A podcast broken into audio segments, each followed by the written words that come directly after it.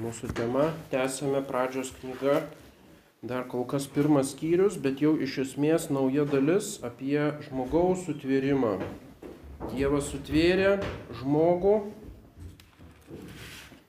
ir štai paskutiniai, paskutinės eilutės to pirmojo skyriaus kalba apie žmogų ir paskui e, Visas antras skyrius bus rojaus žmogaus puolimo istorija, skirta taip pat žmogaus temai. Taip kad galime matyti, visas prieš tai, kas buvo, e, visas pasakojimas apie pasaulio sukūrimą yra tik tai įžanga, tokia kaip įžanga į žmogu, žmogus yra kaip viršūnė tvarinijos. Taip kaip pirmiausia, Dievas sutvėrė erdves, atskyrė viršutinius vandenis nuo patinių, atskyrė vandenis nuo sausumos, sutvėrė erdves visiems, visoms gyvoms būtybėms žemėje. Ir paskui jau svarbiausias dalykas yra tos pačios gyvos būtybės, o ne tos erdvės. Taip panašiai viso pasaulio sutvėrimas yra tik tai aplinkos sudarimas. Iški visa tai yra tik tai aplinka arba tokia karalystė ir svarbiausias toje karalystėje yra žmogus matome e, nukreipta į žmogų kaip į atstovą arba ambasadorių, arba galima sakyti kunigą. Reiškia visas kosmosas kaip tokia didelė šventykla. Ir štai žmogus, Adomas, kaip vyriausiasis kunigas, kurio užduotis pašventinti visą tą kosmosą, arba jo vardu, neprotingųjų tvarinių vardu, šlovinti Dievą, kas yra aukščiausia žmogaus pareiga ir taip pat užvaldyti visą tą žemę, reiškia panašiai kaip Dievas valdo visą tvarinyje, taip žmogus turi užvaldyti tą regiamąją materialę tvarinyje. Visi augalai ir gyvūnai ir net dangaus sparnuočiai ir jūros žuvis viskas yra pavaldu žmogui. Tokia yra pagrindinė mintis Mozės, kuris būtent pasakoja šitą istoriją. Ir štai tas mokslas apie žmogų vadinamas antropologija. Graikiškai antropos žmogus, e, ganėtinai toks naujas terminas ir jisai turi įvairias prasmes. Apie ką mes dabar kalbame, tai yra labiau teologinė antropologija. Tai yra teologijos dalis, kuri kalba apie, diev, apie žmogų Dievo perspektyvoje. Todėl tai yra teologija. Teologija, mokslas apie Dievą O antropologinė teologija, reiškia, arba teologinė antropologija, tai yra koks santykis tarp e, Dievo ir žmogus, ir žmogaus. Reiškia, žmogus kaip Dievo tvarinys ir kaip tasai, kurį Dievas išgelbėjo. Tai yra mums ir įdomiausia tose katechezėse, tai apskritai yra kaip religijos arba teologijos tema. Tačiau dabar šita teologinė antropologija, jinai konkuruoja su kitomis. Kita yra filosofinė antropologija, kuri remiasi paprastu žmogaus protų, stebėjimu žmogaus e, prigimties, žmogaus elgesio, pagrindinių tokių teiginių apie žmogų e, nustatymų. Ir šita antropologija, žinoma, jau kyla iš graikų senosios filosofijos ir kai kurie jos punktai konkuruoja su šita teologinė antropologija, kuri remiasi šventųjų raštu. Tarkim, visa platonizmo mintis, kurie vyravo ištisus šimtmečius ir net tūkstantmetį, tai yra, kad žmogaus kūnas neturi didelės vertės. Žmogaus kūnas yra tik tai kaip apvalkalas sielai arba kaip graikiškai sakoma, soma sema, reiškia kūnas kaip, kaip toksai mm, kalėjimas, kurioje glūdi, arba kaip indas, kuriame glūdi e, siela. Taip pat e, kalba ta filosofija, kad žmogaus sielos individualumas nėra toksai svarbus reiškia, iš esmės visos sielos jungiasi į vieną tokį kaip kosminį arba pasaulinį protą. Tai buvo tokia kaip mintis, kuri buvo apsėdusi daugumą graikų filosofų per ilgus amžius, jie negalėjo įvertinti to individualumo, kad reiškia žmogus individualus turi kažkokią reikšmę. Jiems svarbiausia buvo tas abstraktus pasaulio esmių arba pagrindinių formų suvokimas, kuris iš esmės yra bendras visiems žmonėms, tai yra tokia kaip universali filosofija. Ir tada nėra kaip ir reikalo atskiriems žmonių protams, o tie visi žmonių protai yra kaip tokie tik tai prisijungia prie to kolektyvinio proto arba kaip jo tokios atplaišos arba tam tikri e, aspektai įkalinti būtent tose individualiuose kūnuose. Ir žinoma, šita teologinė antropologija visiškai šitą paneigia, kuri pabrėžia, kaip yra svarbu žmogaus kūnas, kad žmogaus kūnas yra integrali žmogaus dalis, o ne tik tai kažkoks priedėlis ar kalėjimas, kuris varžo sielą. Ir taip pat pabrėžia žmonių individualumą. Kiekvienas žmogus, Dievas jam specialiai sutveria sielą ir e, kiekvienas žmogus, dėl kiekvieno žmogaus paskui vyksta išganimo darbas, dėl kiekvieno Jėzus Kristus pralyja savo kraują, reiškia kiekvienas individas yra svarbus, o ne vien tik tai kažkokia kolektyvinė žmonija arba kolektyvinis protas. Taigi tas konfliktas e, yra neišvengiamas, labai gilus ir dėl to ištisos kartos teologų ir filosofų diskutavo. Ir štai XIX amžius, jau šiek tiek ir XVIII, bet ypač XIX amžiuje atsiranda trečias e, aspektas, tai yra mokslinė antropologija arba vadinama empirinė antropologija, kada sakoma, kad tiek teologija, ką šventas raštas arba teologai sako, tiek šita filosofinė tai yra tik tokios spekulacijos, tai yra tokie konstrukcijos racionalios, sukurtos kažkokiu išminčiu, bet jos nieko bendro neturi su tikrove. Reikia tirti žmogų toks, koks jis yra. Reiškia, taip kaip mes jį matome. Ir čia atsirado du tokie mokslai, vadinama sociologija ir e, kultūrinė arba socialinė antropologija. Sociologija reiškia, kodėl tas skirtumas, juk iš esmės žmonės tai vienodi, bet taip neatrodė XIX amžiui. XIX amžiui tai yra žmonės, kurie yra kultūringi, civilizuoti vakarų pasaulyje ir tų žmonių jau atseit aukštesnio lygio ir tokia išsivyščiusią, reiškia, industrinę visuomenę tyria sociologija, kaip ten tie žmonės funkcionuoja O reiškia visos kitos tautos, vadinamos orientalinės arba laukinės, tai jau yra specialus kaip tyrimo objektas etnografijos ir šitos kultūrinės antropologijos. Ir tada keliautojai nuvyksta į kokią nors salą, apsigyvena su tais čia buviais ir stebi, kokie jų papročiai, ką, kaip jie masto, kaip jie, reiškia, formuluoja savo požiūrį į pasaulį, kaip jie kūrė savo šeimas ir savo visuomenę, kaip jie reiškia savo ūkį tvarko ir, ir panašiai. Ir apie tai prirašyta jau buvo XIX amžiui masė, reiškia, knygų. Ir tada žmonės sukrėtė tasai skirtingumas, tas milžiniškas skirtumas tarp tų žmonių kitose kontinentuose ir vakarų pasaulio. Ir taip pat skirtumas tarp atskirų tų tautų, kad net, tarkim, toje pačioje Amerikoje, tarp atskirų indienų genčių Vienos indienų gentis e, visiškai netoli nuo vienas nuo kitų gyvenančios kur nors Meksikoje. Jos statė didžiausias piramides iš akmens, turėjo civilizaciją. Kitos gentis šiek tiek į šiaurės vakarus, jos buvo medžiotojai arba reiškia e, žemdirbėjai ir gyveno taip kaip žmonės prieš, prieš kelis tūkstančius metų Europoje, reiškia visai kitas civilizacijos lygis. O paskui kažkur Kalifornijoje buvo gentis, kurios absoliučiai primityvios kaip seniausiam akmens amžiui, bet turi nepaprastai išvystytą religiją. Ir reiškia, jų religinis gyvenimas ir apėgos ir mitai nepaprastai sudėtingi. Reiškia, galima sakyti, tūkstančių kilometrų atstumu tie patys indienai sukūrė absoliučiai skirtingus pasaulius, su skirtingu mąstymu, skirtinga kultūra ir taip toliau. Ir tai aišku žmonės labai fascinavo ir žavėjo ir šita kultūrinė antropologija užgožė visą kitą. Ir tada jau visas žmogus vertinamas būtent per šitą etnografinį e, tašką. Paskui atsirado, aišku, psichologija, kuri analizuoja jau iš psichinio požiūrio žmogų. Ištobulėjo vadinama fizinė antropologija, kur ėmė matuoti žmonių kaukolės, jų, jų veido spalvą, tuo rėmėsi tas vadinamas rasistinis visas judėjimas ir taip toliau.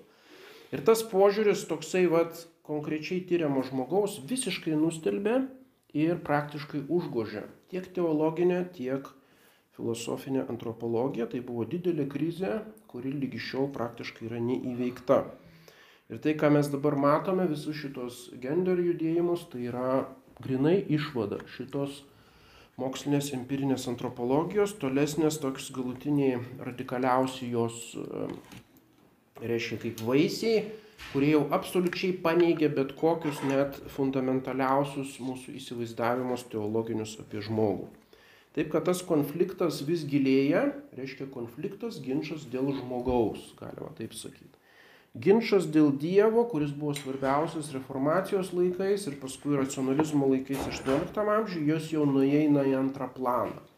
Jau galima sakyti, jau ta e, visa visuomenė, e, ta atseit e, išsi, išsivyščiusi vakarų jau pametė Dievo idėją, jau reiškia Dievas jau kaip nuėjo į, į istoriją, jau die, dėl Dievo praktiškai jau niekas nebesiginčia. Dar yra vienas kitas ateistas karingasis, ten kaip Dokinsas, kuris bando dar kažkaip kovoja su vėjo malūnais, nors jau nieks net nebegina praktiškai. Jau Dievo kaip ir nėra, dabar visas frontas karo yra dėl žmogaus. Reiškia viskas, kas yra žmogus, ar žmogus turi stabilę prigimtį ar neturi.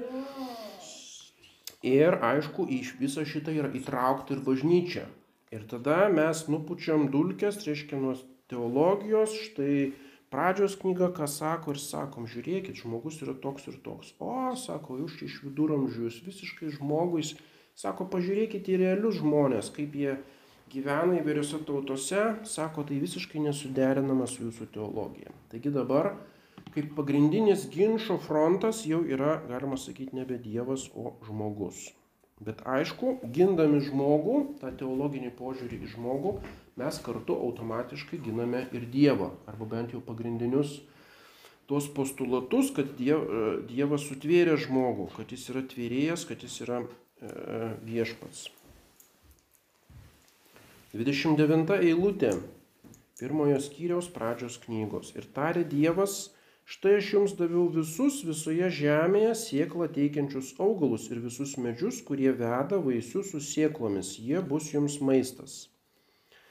Ir 30 eilutė, o visiems laukų gyvuliams, visiems padangių paukščiams ir visiems žemėje repliuojantiems gyvūnams, turintiems gyvybės alsavimą, daviau maistui visus žaliuosius augalus. Taip ir įvyko. Tai e, galime prisiminti iš ankstesnės eilutės tam tikras skirstimas, toksai mm, labai grubus skirstimas pas mozę įvairių augalų. Reiškia, vieni augalai tai yra žalieji augalai arba žolė, o kiti augalai yra medžiai, kurie veda vaisius turinčius sėklą. Ir štai tuos žemuosius augalus jie skiriami lyg gyvūnams, o aukštesnieji augalai medžių vaisius skiriami maistui žmonėms. Ir štai čia didysis klausimas, ar tai reiškia pirmykštį vegetarizmą, ar reiškia rojaus būklėje tiek gyvūnai, tiek žmonės visi buvo vegetarai, reiškia ar e, žmonės maitinosi tik tai vaisiais, o reiškia liūtai ir E, visi gyvatės ir visi kiti irgi ėdė žolę. Nu ir čia įvairiausios buvo nuomonės, tačiau nėra aiškaus įsakymo būtent tik tai šitą žolę valgyti arba tuos vaisius. Nėra nei aiškaus leidimo valgyti ne augalus, nei aiškaus įsakymo valgyti tik augalus. Ir toks yra vienas iš argumentų. E, e, Kajetanas, kiti senieji, reiškia klasikiniai 17 amžiaus švento rašto aiškintojai katalikų sakė, kad žmonės valgė mėsą jau po išvėjimo iš rojaus, kadangi trečios skyriaus 21 eilutėje minimos gyvulių odos Ir be to Abelis aukoja avis ketvirtame skyriuje, o Nojus jau skiria švarius ir nešvarius gyvūnus, o švarumas siejasi betarpiškai su valgymu.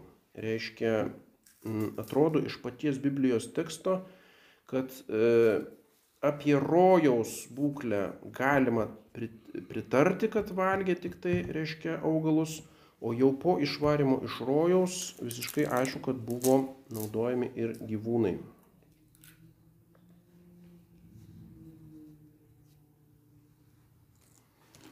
Mėsa nebuvo uždrausta, žmogus laisvai e, dėl religinių paskatų iki po tvano atsisakė mėsos ir vyno. Tai buvo kitų teologų nuomonė.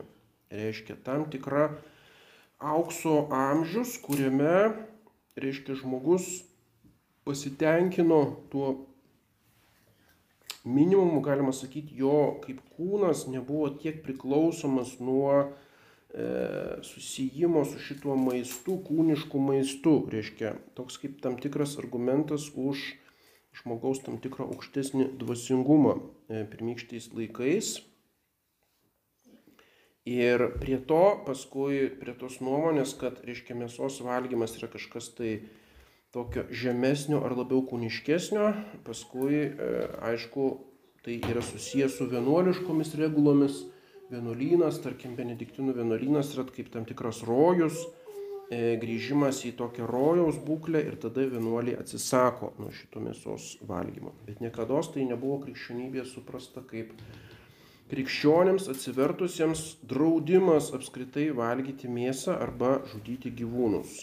Reiškia, tai, kas yra dabartinėme vegetarianizme perimta iš rytų, ypač iš Indijos e, mąstymo, tai niekada nebuvo mm, krikščioniškas mąstymas. Panašiai rašo jau Ovidijus metamorfozėse apie aukso amžių, panašiai kaip krikščionių rojus yra pas, e, reiškia, toje antikinėje mitologijoje aukso amžius, kad žmonės pasitenkino medžių šitais vaisiais ir nevalgė, nevalgė e, mėsiškų valgių. Panašiai jau buvo šumerų mitologijoje, kad pirmieji žmonės nežinojo valgių ir gėrimų, nežinojo rūpų, rūbų, kaip avis ėdė lūpomis žolę, gėrė šaltinio vandenį. O gyvūnai būdavo pjaunami tik tai aukojimui ir kailiui, bet ne maistui. Reiškia tas tam tikra tokia intuicija arba tradicija, kad vis dėlto susilaikimas nuo mėsos yra kažkokia tai tam tikra dvasingesnė būklė, e, jinai atsispindi ir pagoniškoje mitologijoje. Tam tikras pirmykščio vegetarizmo idealas. Ir daug bažnyčios tėvų ankstesnių taip ir supranta, kad iš tikrųjų iš pradžių žmonės e, maitinosi tik tai augalais.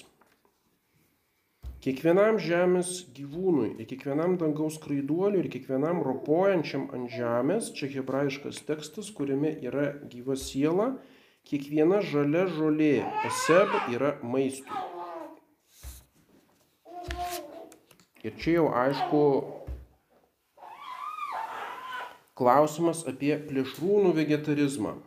Šventame rašte apie tai praktiškai nėra jokių užuomenų, išskyrus Izaijo kelias vietas, kuriuose kalbama apie mesijinius laikus e, ir tik tai tokia poetiška eilutė, kad liūtas kaip jautis e, valgys pelus ir nekenks ir nežudys.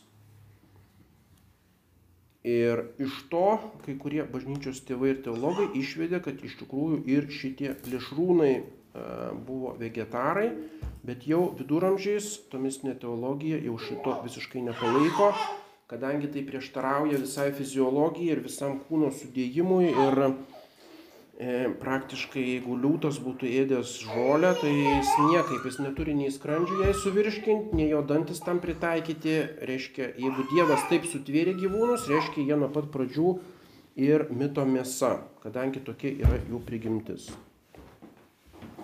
Vadinasi, šitas Izaijo vietas apie tą tokią idilišką taiką tarp gyvūnų, kad, reiškia, kūdikis žais su gyvate arba liūtas e, grauž pelus, o reiškia niekam kitam nekenks, tai turima omenyje ne gyvūnai, kad bus atstatyti tie rojaus laikai, reiškia mesijiniais e, laikais pasaulio pabaigoje, bet turima omenyje simboliškai, tasai liūtas tai yra galingieji šito pasaulio, kad bus taika tarp žmonių. Izaijas kalba ne apie gyvūnus, plėšrūnus žvėris, bet jis kalba apie žmonės šitų gyvūnų, e, reiškia tokiais simboliais. Reiškia galingieji, neengs silpnųjų, nebus karų tarp tautų, bus šita mesijinė taika visame pasaulyje. Toks yra aiškinimas, galima sakyti, alegorinis šitos eilutės. 31 eilutė ir matė Dievas visą, ką padarė ir matė, kad buvo labai gera. Atėjo vakaras ir išaušo rytas šeštoji diena. Taigi čia vienintelį kartą yra žodis labai gera. Visur kitur po kiekvienos tvėrimo dienos Dievas matė, kad buvo gera. Tas kartojama kelis kartus. O štai dabar po žmogaus sutvėrimo Dievas matė, kad tai buvo labai gera. Ir būtent tai aiškina e, teologai ir bažnyčios tėvai, kad tai yra ypatingas pabrėžimas žmogaus sutvėrimo. Žmogus yra sutvertas pagal Dievo atvaizdą ir paveikslą. Ir tai yra ypatingas kaip šedevras Dievo rankų tvarinys, kuris yra, turi didesnį gėrį ontologinį arba reiškia savyje gėri negu visi kiti tvariniai. Ypatingas pagirimas tik sutvėrus tvarinijos valdovą žmogų. Ir štai prasideda antrasis skyrius, bet šita pirmoji antrojo skyriaus eilutė iš esmės priklauso e, dar pirmajam skyriui, tai toks kaip užbaigimas ir buvo pabaigti dangus ir žemė ir visa jų kareivyje. Cebaim, cebaam. Ir štai tas žodis kareivyje mums primena angelus. Mes matėme, kad kas tai yra kareivyje, cevaot, tai yra dangaus e, dvasių dvaras, kuris supa Dievą, tai yra angelų pasaulis nematerialus, nepriklausantis šitam kosmosui. Ir dabar šitas pat, tas pats žodis taiga naudojamas e, dangui ir žemiai. Taigi atrodo, kad visa tie būtybės, kurios apgyvendina kosmosą, jos taip pat sudaro tam tikras kareivijas arba kareivyje. Reiškia, žvaigždės, gyvūnai, žmonės, jie yra kareivijos, tokios kaip kolektyviniai Dievo garbinimo ir Dievui pavaldžios tokios e, e, kūnai kolektyviniai, kurie yra panašus į angelus. Ir ypač žmonės, žmonių visuomenė, ypač pašventintoji žmonių visuomenė bažnyčia arba išrinktoji tauta yra kaip tokia kareivyje, kuri turi tarnauti Dievui ir galų gale jinai ir pašaukta uh, susijungti su angeliškąją dangaus kareivyje.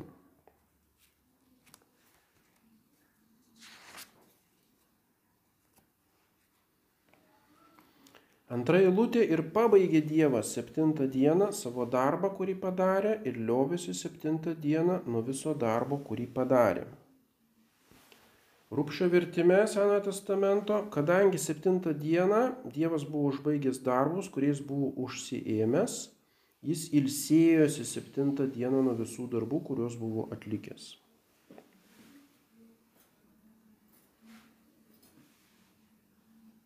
Ir štai iš kur tasai ilsėjosi, reiškia, kodėl ilsėjosi. Tas ilsėjimasis yra antropomorfinis, reiškia, kaip žmogus, kaip amatininkas, kuris dirbo ir ilsėjosi esmė, tai yra pasiilsėti nuo sunkaus darbo, atgauti jėgas. Visiškai aiški šito žodžio prasme.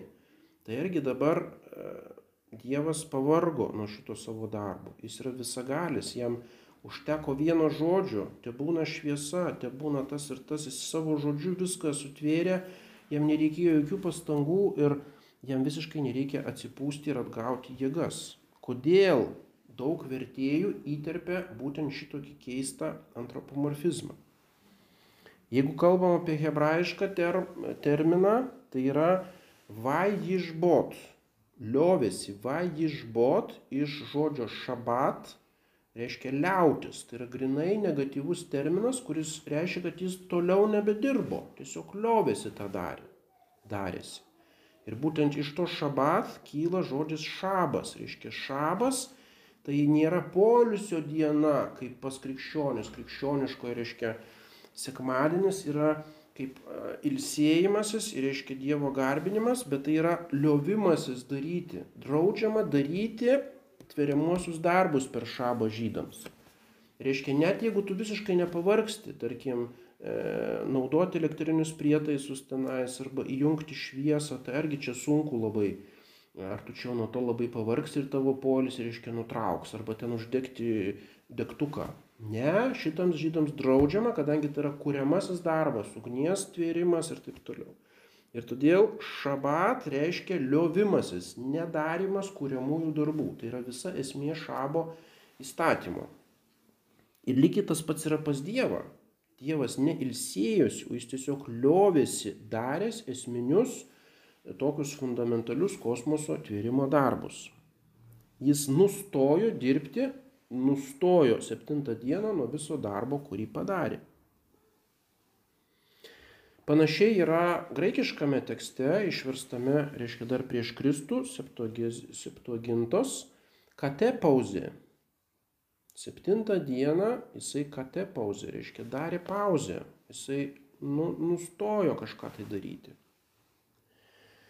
Lotiniškame tekste jau vulgatos, kuris buvo įprastas nuo viduramžių, nuo Jeronimo laikų, jau yra rekvijevit, die septimo, rekvijevit. Ir tas žodis jau yra šiek tiek dviprasmiškas.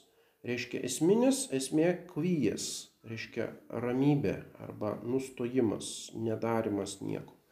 Taigi rekvijevit irgi galima suprasti tą prasme, liovėsi, tiesiog nurimo, nieko nebedarė. Tačiau jau rekvijevit turi ir uh, šitą prasme ilsėjimosi kaip mes sakom, rekvies kantin pačią, tegul ilsis ir ramybė, reiškia mirusieji, amžinasis gyvenimas e, krikščioniškose tekstuose liturgija vaizduojamas kaip poilsis, reiškia žmogus dirba, arba jis yra kankinys, arba persekėjamas ir dabar jisai ilsisi, reiškia dangaus e, amžinybės poilsis. Taigi šitą dviprasmybę latiniško žodžio galima sakyti įvedė tą tokią sampratą, kad Dievas ilsėjosi septintą dieną. Nors e, aišku, kad originaliame tekste tai reiškia, kad jisai tiesiog liovėsi daręs. Tačiau vėlgi žydai jau e, nuo seniausių laikų, reiškia, diskutuoja. Atrodo, kad pats Dievas nesilaiko šabo, kurį įvedė, o toliau užbaiginėja savo darbus arba toliau kažką tai dar dirba ką Dievas toliau darbo, daro? Visiškai aišku, kad jisai palaiko būtyje visus tvarinius, kurie yra sutverti. Galima sakyti, jis ne tai, kad sutveria kokį nors daiktą arba tvarinį arba žmogų ir jis paskui savyje toliau tęsia buvimą autonomiškai nuo Dievo, taip kaip kad kūdikis gimsta iš tėvų ir paskui tėvai jam gali padėti, bet iš esmės jau jis pats auga iš savo genetinio visos struktūros, iš savo organizmo ir paskui jis turi savarankišką gyvenimą ir jis jau nebepriklauso jo būtis nuo tėvų. Tačiau arba puodžius nu, nužėdžia puodą ir puodą pastato ir jau kažkas kitas jį naudoja arba sudaužo be jo valios. Tačiau taip nėra sutvėrimo darbais. Jeigu Dievas iš nieko, iš eksnihilio sutveria būti, jis turi toje būtyje palaikyti. Reiškia, mes visi, kiekvienas daiktas, kiekvienas atomas, kiekviena žvaigždė yra ant Dievo rankos ir jis kiekvieną sekundę palaiko jo būti, tęsia jo buvimą toliau. Reiškia, daiktas nebūtų automatiškai be ypatingo Dievo šito palaikymo. Ir tai yra visiškai aiškus, aktyvus tam tikras Dievo veikimas. Dievas palaiko būtyje. Paskui yra visa Dievo apvaizda, jisai veda visus dalykus. Jisai duoda savo malonę, yra visas išganimo darbas. Ir galų gale jisai iš nieko, vėlgi eksnihilio, jisai sutveria individualias žmonių sielas. Kiekvieną kartą, kai Iščiose prasideda nauja žmogaus gyvybė, pačią pirmą akimirką, kada iš tų genų susidaro nauja lastelė, naujas e, individas biologinis, Dievas iš naujo specialiai iš nieko sutveria žmogišką nemirtingą sielą, kurią sujungia su šita, e, su šita naujai prasidėjusia gyvybė. Tai yra visiškai aiškus naujus, naujas tvėrimo darbas. Toliau Dievas daro stebuklus reiškia net ypatingus didelius stebuklus. Jisai veda, jisai angažuojasi į išrinktosios žydų tautos gyvenimą, paskui jis veda bažnyčią ir taip toliau, atsiunčia e, savo sūnų. Ir galų gale tai aiškiai pasakyta Jono Evangelijoje, penktas skyrius, mano tėvas darbuojasi lygi šioliai, todėl ir aš darbuojuosi. Pats Jėzus Kristus sako, Dievas nesiliovė veikti, jisai toliau darbuojasi ir aš darbuojuosi. Tačiau paaiškinimas yra paprastas, kad tai nereiškia, kad Dievas pats pažydinėja šabo įstatymą, bet jis, reiškia, visi šitie darbai nėra esminiai kūrimo arba pasaulio struktūrizavimo darbai.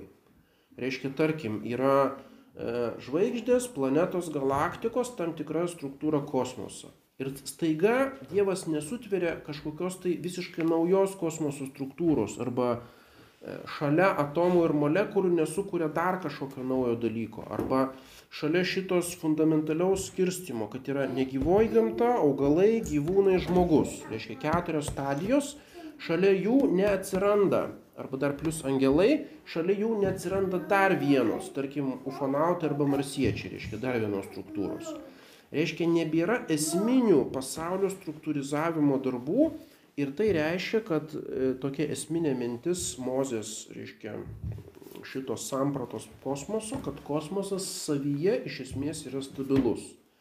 Reiškia, toks, koks jisai buvo sutvertas, toks jisai ir tveria. Visi kiti skirtumai yra jau akcidenciniai arba antriniai skirtumai, tarkim, dinozaurai išnyksta, o atsiranda kokios nors naujos gyvūnų rūšis. Dabar kaip jos atsiranda, ar iš evoliucijos, ar iš tvėrimo, tai dabar mes to nediskutuojam. Tai yra visiškai atskiras klausimas. Bet faktas, kad gamtos pasaulyje vyksta daugybė visokiausių skirtumų, e, reiškia pokyčių. Vyksta išnykimai, vyksta migracijos, vyksta e, pasikeitimai, pats žmogus sukuria naujas veislės, reiškia augalų ir gyvūnų ir kitokių visokiausių pokyčių vyksta, bet jie nėra esminiai fundamentalūs tvėrimo darbai.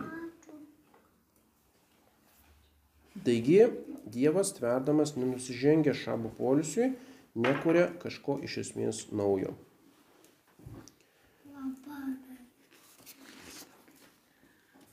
Trečia eilutė ir palaimino Dievas septintą dieną ir pašventino ją nes joje jis liovėsi nuo viso darbo, kurį sukūrė Dievas ir padarė. Tai yra hebrajiškas tekstas, reiškia, rūpščio vertimas, kurį mes turime mūsų Biblijose. Dievas palaimino septintąją dieną ir padarė ją šventą, nes tą dieną jis ilsėjosi nuo visų kūrimo darbų. Mes matom, kaip lietuviškas vertėjas visiškai laisvai atpasakoja Tai visiškai nieko bendro jau su hebrajišku tekstu. Hebrajiškas tekstas. Ir palaimino Dievas septintą dieną ir pašventino ją. Nes joje jis liovėsi nuo viso darbo, kurį sukūrė Dievas ir padarė. Reiškia, palaimino Dievas ir paskui jis liovėsi, o jau sukūrė Dievas ir padarė. Ir čia vėl ginčiai, kodėl dabar vėl paminėtas Dievas. Ir čia vėl visokiausios spekulacijos, kad viename, viename kalbam apie Dievo tėvą, kuris palaimino, o sukūrė kaip logos, tasai Dievo žodis arba Dievo sūnus. Todėl du kartus paminėtas žodis Dievas. Ir reiškia, kurį sukūrė Dievas bara ir padarė asach. Reiškia, paminėti du žodžiai kurie kažkodėl visiškai nutrupa ir dinksta rūpščio tekste. Sukūrė Dievas ir padarė Dievas. Sukūrimas tai yra kaip esminis iš nieko tvėrimo aktas, o padarimas tai yra kaip antrinis, galima sakyti, struktūrizavimas arba tvarkymas e, šitų e, sutvirtų dalykų. Visos šitos detalės yra svarbios ir apie jas kalba ir vėliau bažnyčios tėvai ir visai neaišku, kodėl staiga visa tai dinksta. Nors latiniškam tekste visa tai išlikusi, visa šita struktūra. Čia savirit abomni operė, liovėsi nuo viso darbo. Mes matėme, šitoje eilutėje latiniškam tekste buvo rekvijevit, tai yra dviprasmiškas žodis, kurį galima suprasti ir kaip liovimas, ir kaip ilsėjimasi, o ši čia trečioje eilutėje visiškai aišku, čia savirit, liovėsi. Tai yra vien, vienprasmiškas žodis, liovėsi, grinai neigiamas žodis. Ir staiga rupšys vėl verčia ilsėjusi nuo visų kūrimo darbų. Nu kam taip iškraipyti biblinį tekstą? Ir svarbiausias čia žodis yra palaimino. Dievas laimina visą tvarinyje. Tas palaiminimas apima, apima taip pat visą, galima sakyti, apvaizdos veikimą. E, kosmosas negali tverti ir negali funkcionuoti ir visa jo prigi, dalykų prigimtis negali skleistis be specialaus Dievo palaiminimo arba nuolatinio laiminimo veiksmų. Reiškia, tas laiminimas yra nepaprastai svarbus. Ypač tose dalykuose, kuriems žmogus neturi įtakos ir kurie atrodo žmogui labai paslaptingi, kaip jau minėjome, naujos gyvybės pradėjimas tiek pas žmonės, tiek pas naminius gyvulius. Visada, visą laiką buvo žmonėms kaip ypatingas stebuklas, kad karvė atsiveda viršiuką, o vis atsiveda eriukus. Tai nepriklauso nuo žmogaus, iški žmogus visada tai priimdavo kaip tam tikrą Dievo palaiminimą. Ir staiga, jeigu jo gyvuliai tampa nevaisingi reiškia ūkija, tada ūkininkas ieško priežasčių, jeigu jis yra krikščionis, tai jisai meldžiasi, e, buvo daug šventųjų globėjų gyvulių, tam ir turime šitiems atvejams ir meldžiamas tiem šventiesiems, o jeigu jis yra pagonis, tai jisai ieško raganos, kuri užkerėjo jo karvę ir ta karvė tapo, reiškia, ir tai yra pagrindinis, vienas iš svarbiausių argumentų daugelį raganų procesų iki pat, reiškia, šitos e, raganų persekiojimo pabaigos, reiškia kaime gyvena. Ir staiga viena moteriškė atsit kažkaip kreivai pažiūrėjo į mano karvę ir karvė viskas, nei pieno, nei viršiuko ragana, viskas apskundžia, nuveda į teismą ir tada apkaltina. Ir šitas visose tautose, Afrikos, kur yra paplitęs tas raganavimas. Reiškia, dėl visų šitokių nelaimių, kur žmogus nesupranta, E, kaltinami yra konkretus žmonės kaltininkai. Reiškia, jeigu aš susilaužiau koją, tai ne šiaip savo, kad man nepavyko, bet kažkas mane prakeikė, kažkas mane nužiūrėjo ir kažkokio kaltininko reikia ieškoti. Toks yra paaiškinimas pas visas primityvias pagoniškas tautas. Tai reiškia, to prakeiksmo kaip priešingumas tai yra palaiminimas. Dievai arba gerosios dvasios e, turi laiminti visus dalykus, kad jie vyktų ir jie funkcionuotų. Ir dabartiniam žmogui jau tas visiškai nesuprantama. Jis mano, viskas funkcionuoja automatiškai, visa gamtos mašinerija yra kaip toks mechanizmas, kuris sukasi ir čia nereikia jokių palaiminimų ir nieko, tiesiog viskas taip vyksta, kaip turi būti. Nu, reiškia, jeigu mano kompiuteris neveikia, tai aš jį nešvestu vandeniu šventinu ir neieškau, kas prakeikė tą kompiuterį, bet nešu pas meistrį ir man suremontuoja. Ir taip žmogus visas kosmosą įsivaizduoja ir taip pat savo visą biologinę prokreaciją, reiškia, aš galiu visko manipuliuoti techniškai. Ir visos tos vaisingumo procedūros, ir in vitro, ir e, kontracepcija ir taip toliau. Reiškia, jau visiškai nebesuvokiama, kad yra šventi dalykai, kuriais reikia Dievo palaiminimo. Taigi užbaigėme jau šitą pirmą skyrių, kuris tęsiasi iki antros skyriaus trečios eilutės ir paskui jau prasideda vadinamasis antrasis tyrimo pasakojimas apie rojaus istoriją. Jau dabar konkrečiai koncentruojamasi ties žmogumi. Ketvirtoji eilutė - tai gimimai dangaus ir žemės, kai jie sukurti dieną, kurią padarė Jahve Dievas žemę ir dangų. Tai yra hebrajiškas tekstas. Arba rūpščio vertimas toks yra pasakojimas apie dangų ir žemę, kai jie buvo sukurti. Ta diena, kai viešpats Dievas padarė žemę ir dangų. Vėlgi dinksta visa simbolika. Tai gimimai, hebrajiškai toledot arba generacijos, reiškia gimimai, tai yra kaip genealoginis medis, reiškia kaip Toledot, reiškia visos giminės sudarydavo tos savo palikonių e, genealoginius medžius. Ir reiškia viso pasaulio sutvėrimas irgi pavadintas tuo žodžiu, kad yra Toledotas. Gimimai dangaus ir žemės, kai jie sukurti dieną, kurią padarė Jahve Dievas žemė ir dangų.